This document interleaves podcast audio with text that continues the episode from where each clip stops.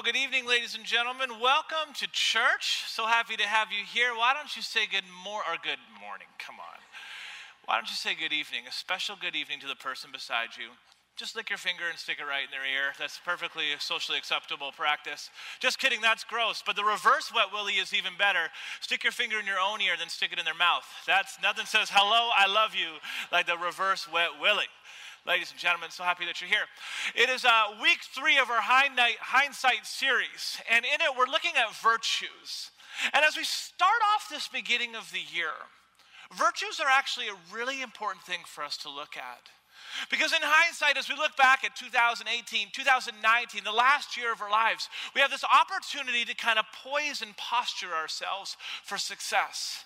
And success comes in a variety of different ways. And we don't often look at virtues as the, the avenue to, to go and accomplish those things. And so we've been looking at things like loyalty or honor, thankfulness. But this, after, or this evening, I want to talk about wisdom. Now, on December 29th, Pastor Ron here in the church spoke on wisdom. And I thought to myself, great. Pastor Ron's been a Christian longer than I've been alive. And now I have to follow up three weeks later and talk about wisdom. Where are we going to go? And I sat there and I thought, this is actually a really beautiful thing because it's enabled me to take a, a, a very different look, perhaps a, a, more personal look, a more specific look at this topic of wisdom tonight. And I want to talk about spiritual wisdom, a, a godly wisdom, a Christian wisdom. I can illustrate it kind of like this. You see, I have, I have four kids, and one of the most popular games in my world right now is the game The Floor is Lava. Now, if you're unfamiliar with how this game works, it works very simply. You just walk anywhere, whether you're walking down the street, whether you're in Walmart, whether in your living room at home. If somebody says three, two, one, the floor is lava, you got to get off the floor or you're going to die. Right? So, so you might jump onto a couch, you might jump onto my back, you might jump onto anything you can, but the goal is to get off the floor as fast as you can. Now, conventional wisdom, earthly wisdom, wisdom of this land would say, just tell your kids that it's not actual lava and everything is fine. but a spiritual wisdom takes a different approach. A spiritual wisdom grabs my little Thomas as he usually jumps up onto my feet, as it's a loophole. As he'll stand on my feet, so that way I'm standing in the lava. But if I st- he stands on my feet, then I grab his hands. He then gets me to walk around the house. And he gets me to, to, to, to lead him and guide him everywhere that he goes. And this is actually a very interesting picture because it's a picture of, of, of, Christianity, really, where, where, where we entrust ourselves to the Lord. We let Him guide our hands, we let Him guide our feet. We put all of our control in Him, all of our trust in Him, all of our hope in Him, all of our wisdom in Him. We lean on Him. And this is where I want to land tonight. I want to look at a very specific story. It's, it's kind of an odd one. It's found in Matthew chapter 25. And it's a story uh, told by Jesus. And essentially, he's explaining a, a, a wedding ceremony. But he te- teaches this story to illustrate wisdom. And more specifically, what he does in this story is he illustrates the difference between a wise person and a foolish person. So if you have your Bibles with you, I encourage you to, to pull them out. If you don't have your Bibles with you, it's on the screen. If you own a Bible at home, I encourage you, bring it to church sometime. It's a great opportunity to get into this thing. Don't just rely on the pastor to be the only person who, who, who gets into this book for you. Get into the book yourself as well, it'll be helpful. But Matthew chapter 25, verse 1, let's look at what it says. It says, The kingdom of heaven will be like ten bridesmaids Let's just imagine that wedding for a second. That's a lot of bridesmaids. Wow. The kingdom of heaven will be like 10 bridesmaids who took their lamps and went to go meet with the bridegroom. Now, to fully appreciate the depth of what Jesus is communicating here, we need to understand who the bridegroom is. Well, commentators would tell us that the bridegroom is Jesus. And commentators would tell us that the bridesmaids would represent church going folk, Christians, people. So this evening, I'm going to call them people just so that I can make it contextually apply to everybody in this room because it, it, it's really good. The kingdom of heaven will be like 10 people who took their lamps and went to go meet with Jesus. Verse 2. Five of them were foolish, and five of them were wise. Now, this is the beginning of a very awkward story. Because what happens is he begins to illustrate this, this statistic and, and begins to make things very personal and slightly awkward. Because essentially he says, Imagine there's 10 people on the stage. You take these 10 people, five of them are wise, the other five of them are foolish. That's a 50 50 chance that you are wise or foolish. That's a one in two chance that you are wise or foolish. Why don't you look at the person beside you and say, Are you the wise one or the foolish one? Just kidding, just kidding. Of course, you're the wise one. You came to church at night. The foolish people came in the morning. You slept in. You chose the right service. This is the wise crowd. We know what we're doing, we know how this works. But verse 3, what it says is it gets interesting because all of a sudden Jesus begins to define and explain what makes the difference between a wise person and a foolish person. This is where the meat is. And he says these words He says, Listen, the five who were foolish didn't take enough oil for their lamps, but the other five were wise enough to take extra oil. Now, that is not how I would have predicted um, the definition of wisdom to look like. Now, that's not what I would have, that's not what I woke up in the morning thinking, this is how you explain. I was going to say, do it. I was going to say, that's not I wouldn't wake up and think, this is how you explain wisdom. But Jesus begins to explain something very, very important. He says, a wise Christian brings extra oil. A foolish Christian doesn't. The foolish person prioritizes the flame. I want you to think about this. We have 10 people represented here five foolish, five wise. All of them have a lamp. Each one of them are bridesmaids. Each one of them brought some oil. Each one of them have a flame that's flickering. The foolish Christian focuses primarily on the flame. The foolish Christian focuses on the external acts of being a Christian, the visible things, the things everybody else can see. Focuses on the flame piece, the, the, the here and now. Because if we're going to be honest, the flame gets attention. But the flame is also useful. So I'm not saying I'm not speaking against the flame. The flame is extraordinarily useful. But it's not only about the flame. Because the wise Christian has a different approach. To the wise Christian, they're not prioritizing the flame, they're actually prioritizing the, the oil. They're prioritizing the invisible. They're prioritizing the internal. They're prioritizing the thing that maybe not everybody sees. They're prioritizing the long game. They've understood a very real truth. In order for there to even be a flame, there needs to be fuel. So there's this emphasis on the oil. The wise person understands in order for this flame to stay burning, because inevitably that flame's going to go out. If you want to be a Christian for the long haul, and I can tell you right now, I've seen too many people walk away from the church walk away from the Lord, walk away from Christianity because they're disillusioned, they're, they're frustrated. They, they, they don't understand how to apply this book to, to 21st century life. And so they say, That's it, I'm done, I'm over. And, the flame that was shining so bright, it, it, it's gone dim. Well, that's totally normal. The flame will, in seasons, go down. So you need to learn how to replenish it.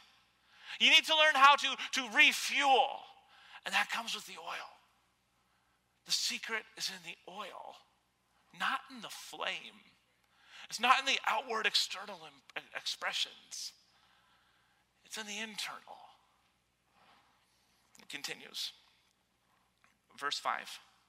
When the bridegroom was delayed, classic bridegroom, hey? Wow. Ever been to a wedding? Do, do people even care about time? When the bridegroom was delayed, they all became drowsy and fell asleep.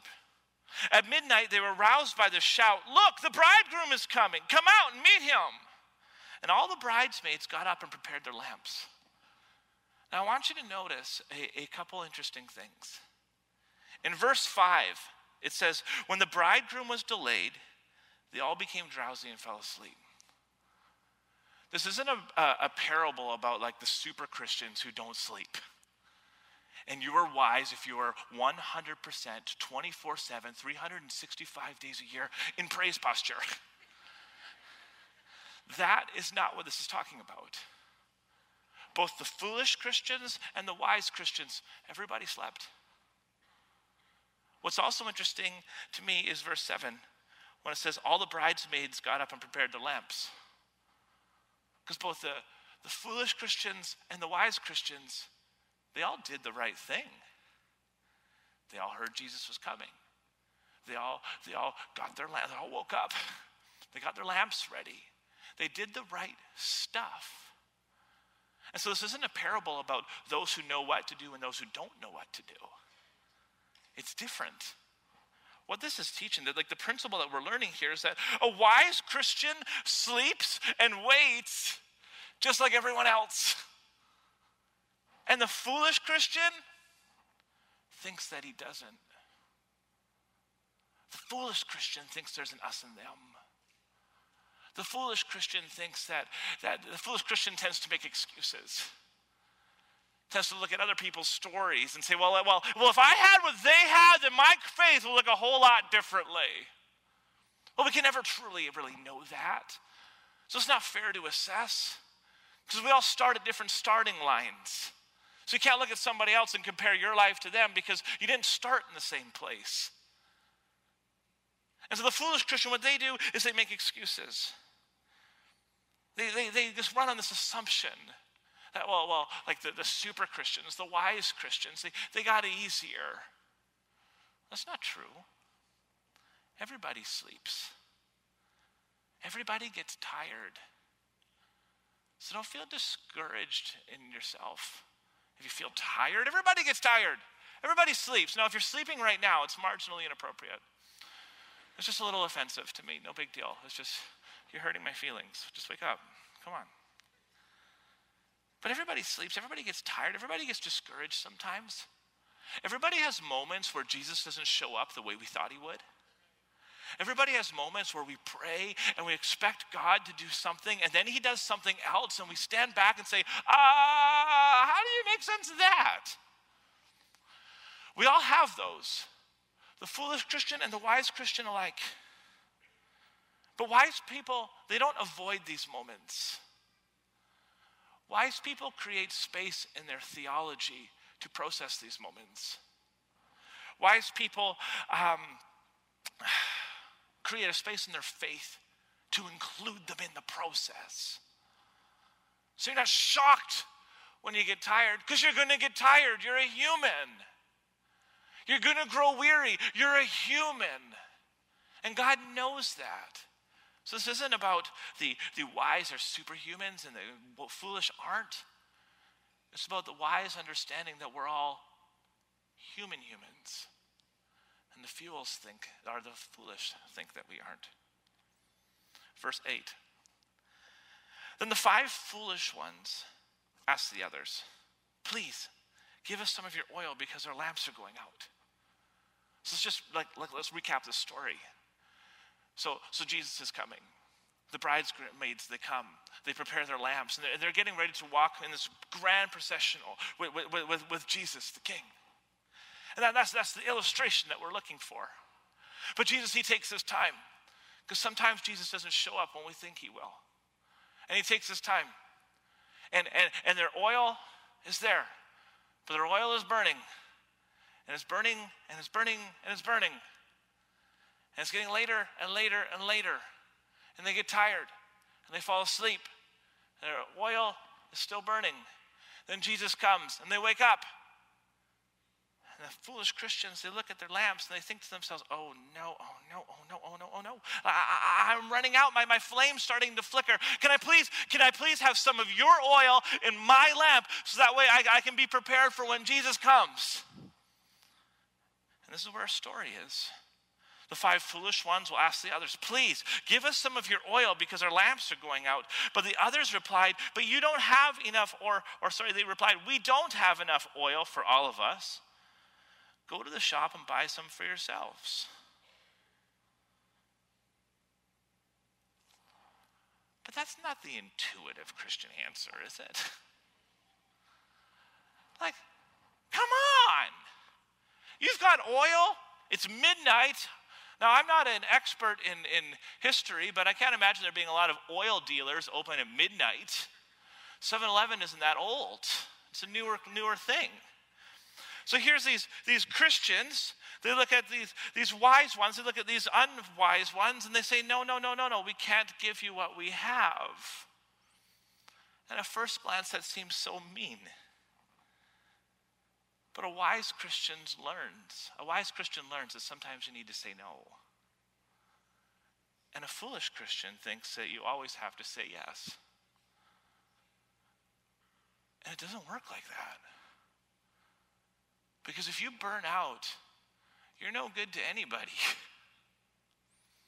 if you don't have margin in your life to care for the needs of others, you just don't have margin in your life to care for the needs of others. Like, like if you're if you, you can't give what you don't have, like like like like giving away all of your oil, it sounds very noble, but it isn't. And if there's any parents in the room, you've wrestled with this. Because you'll do anything for your children, you'll do anything for them. But if you do everything for them at the cost of you, nobody wins. Nobody wins. Some of you are in a relationship right now, and you think that your relationship is supposed to be all about you saying yes to everything as if that shows how loyal you are. No, that's not wise. Sometimes you need to say no. You can't always say yes. Because giving away your oil, like if you give away all your oil to somebody else, it doesn't just mean um, greater benefits for everybody that's involved. What it actually means is shorter term benefits for everyone that's involved. you, you, you can't do that. And so he continues. Verse 10. But while they were gone to buy the oil, the bridegroom came. Of course he does. He always comes when you least expect it. Isn't that how life works? While they were gone to buy oil, the bridegroom comes. And then those who were ready went with him into the marriage feast, and the door was locked behind them. And so, for the wise people, all of a sudden, this, is, this, is, this is a really exciting time. Jesus came, they were ready, they were prepared, and they get to go and, and, and, and be with Jesus. But in verse 11, this is later, when the other five bridesmaids, bridesmaids returned. They stood outside calling, Lord, Lord, open the door for us. And here they come running. They've got their bridesmaids' outfits on, they've got their lamps, they've got oil, and then some, because they learned the hard way bring extra oil now. They're standing on the door, expecting Jesus to open up the door. And what happens? Says in verse 12 Jesus calls back, Believe me, I don't know you. And that's a very interesting twist to this story. Because when you when you when you look at this, I mean, I mean everybody had lamps. Everybody was bridesmaids. You don't get strangers to be bridesmaids. Like, like, like they're there. They're connected. They knew what they were doing. They were with other, other bridesmaids. They were doing this stuff. They knew that when Jesus came, they had to do their lamp. They, they knew what to do. But Jesus responds back, I, don't even know you. And he said, just because you have a lamp, and just because you hang out with bridesmaids, and just because you know what to do Just because you call yourself a Christian, just because you come to church on a Sunday, just because you, you grew up in a church, or, or just because your parents are Christian. Like, like nobody gets a free pass. It all boils down to Jesus. Because you can have all of these things and not have a personal, vibrant, life giving, authentic relationship with Jesus. It gets so easy for us just to do the Christian subculture thing and miss out on the actual reason why Christianity exists. And that reason is Jesus. And your purpose in life. Some of you have been looking for purpose. God, what is my purpose? What is my purpose? What is my purpose? What is my purpose? Your purpose? You want to know why God created you? He made you to glorify Him. The whole purpose of Christianity isn't to be a bridesmaid, it's not to own a lamp, it's not about a, a, a ceremony. Christianity is about you and Jesus. And is your heart ready to meet with Him? Because when I read this text, what this communicates to me is that there's such thing as too late.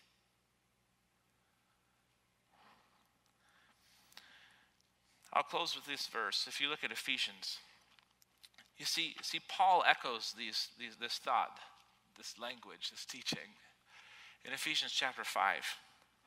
And in Ephesians chapter 5, verse 15, it says these words It says, So be careful how you live.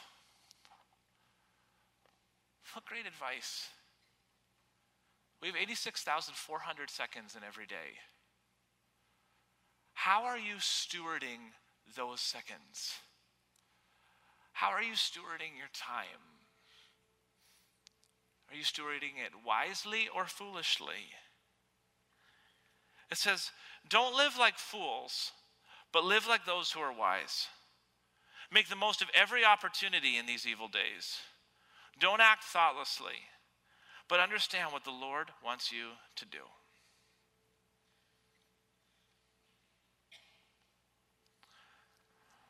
On May 6th, 2018, I got a text. And it came in at 9:24 p.m. And I grabbed my phone and I wrote it down and I wrote it on this little sticky note here. And in this particular season of my life, I was living in Edmonton, Alberta. And me and a group of grandmas volunteered at the EIFW, the Edmonton Institute for Women. And when we were there, we would teach Alpha, and we'd go through these Alpha courses with these ladies. Well, my job, once, a, once every single session, was to come in and teach the last one live. And I would get to, to meet these women, and we would do the we would do the talk, and I get to just to pray with people. Well, the week before I came, I got this text from Burl Feber. And the text says these words. It says, just had to share. Led a girl to the Lord tonight in prison, exclamation mark. So thrilled, exclamation mark. And I was so excited to share in her excitement. Like that whole week, just, just like I, I was just so excited to meet this woman that Burl got to lead to the Lord. And I got to the prison.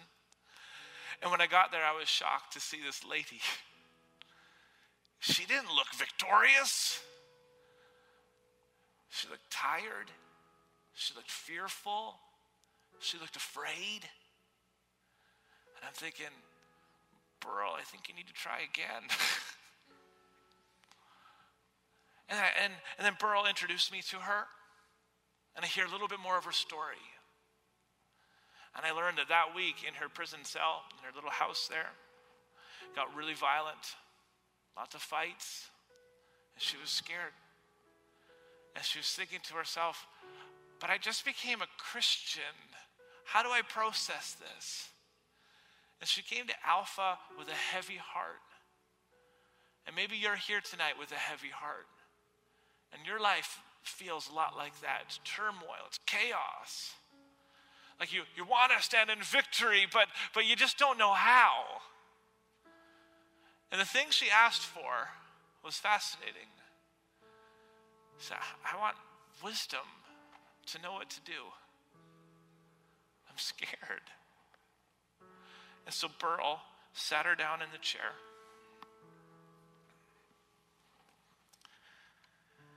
She sits. And she said, I'm going to pray that the Holy Spirit will give you wisdom tonight. And I was standing on the other side of the gym, and the fluorescent lights were on, and, and it was just inmates and a bunch of grandmas and me.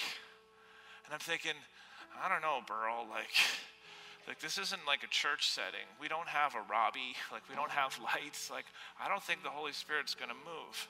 And I had like so little faith. And Burl leaves her hands on this lady's shoulders and begins to pray and motions for me to come. And I'm thinking I should go. So I come and I sit there and I lay my hands on her too. And the lady in the chair, she was sitting like this with her hands out. And all of a sudden I watched as this frown, this suspicious frown, curiously wondering if this was all real, started to shape and turn from sadness into this curiosity and wonder, into these tears, into this overwhelming joy, into this smile, into this excitement as she got up from her chair. But as she started to do this, she started to speak in this different language. And I'm thinking, are you kidding me, Lord? She didn't even know that that's what she was supposed to do in this moment.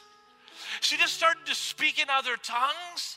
You gave her a heavenly prayer language out of nowhere because she just sat in a chair. She said, Holy Spirit, come. What? It's that easy?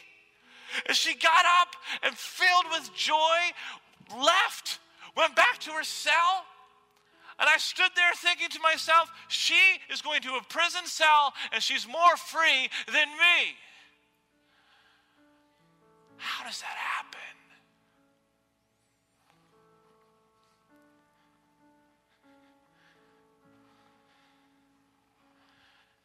So tonight I want to pray with you. And first, I need you to understand that this lady never would have had that freedom, would never have been able to be, be have this moment with the Holy Spirit had she not first given her life to Jesus. And there may be some of you who have been maybe going through the motions of Christianity, kind of like the 50% of my story I talked about tonight. If you're going to be honest in your heart of hearts, you've been doing some foolish stuff and there's a disconnect. I'm not going to embarrass you tonight. I love you too much to let this moment pass you by. Maybe you're here for the first time and you're thinking, I did not know this is what Christianity was about. Friend, I don't believe that, that anybody here tonight is here by accident. Like God set this moment up.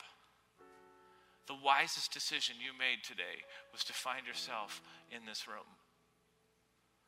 Not because you get to hear a sermon, and not because you get to be a part of a worship service, but because Jesus wants to meet with you right now.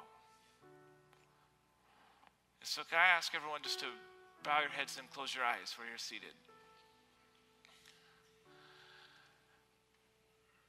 And if you want to get your heart right with the Lord tonight, you want to get your heart right with Jesus. Can I ask you just to lift your hand for a moment? I'd love to pray for you. Yeah, thanks. Oh my gosh, yes. Just raise that hand. Is a moment between you and God. Forget about everybody else in this room. Friends, there might be 30 hands up right now. Can I invite you to pray a prayer with me? And everybody else in the room, I invite you to pray the same prayer with me. Because there's something to be said about quieting our heart before the Lord. So, Jesus, from this posture, we look to you. Lord, we've been foolish. We've made foolish decisions. Perhaps we've, we've started, maybe, maybe we, things have gone askew and, and we started to live for ourselves, or, or at the end of the day, God, we became more of a priority than, than, than you ever were. Lord, you forgive us for that. Forgive us for trying to do this life in our own strength because, God, we don't have to. The floor is lava. We can stand in your feet with our hands in yours, and you will guide us and walk us and lead us. So thank you that you're real. Thank you that that imagery isn't just some cute analogy, but God, there's some truth in that. Lord, you're real, and you're here, and you want to be a part of our lives. So would you please come and fill us? Fill us with your presence. Give us your spirit, oh God. Help us to see people the way you see people. In your name we pray. Amen. Can we put our hands together right now, just, just celebrating the Lord? It's exciting times.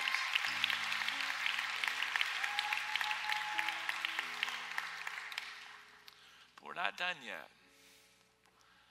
Because this lady, she came in with this heavy heart in that prison that night, and she just sat there,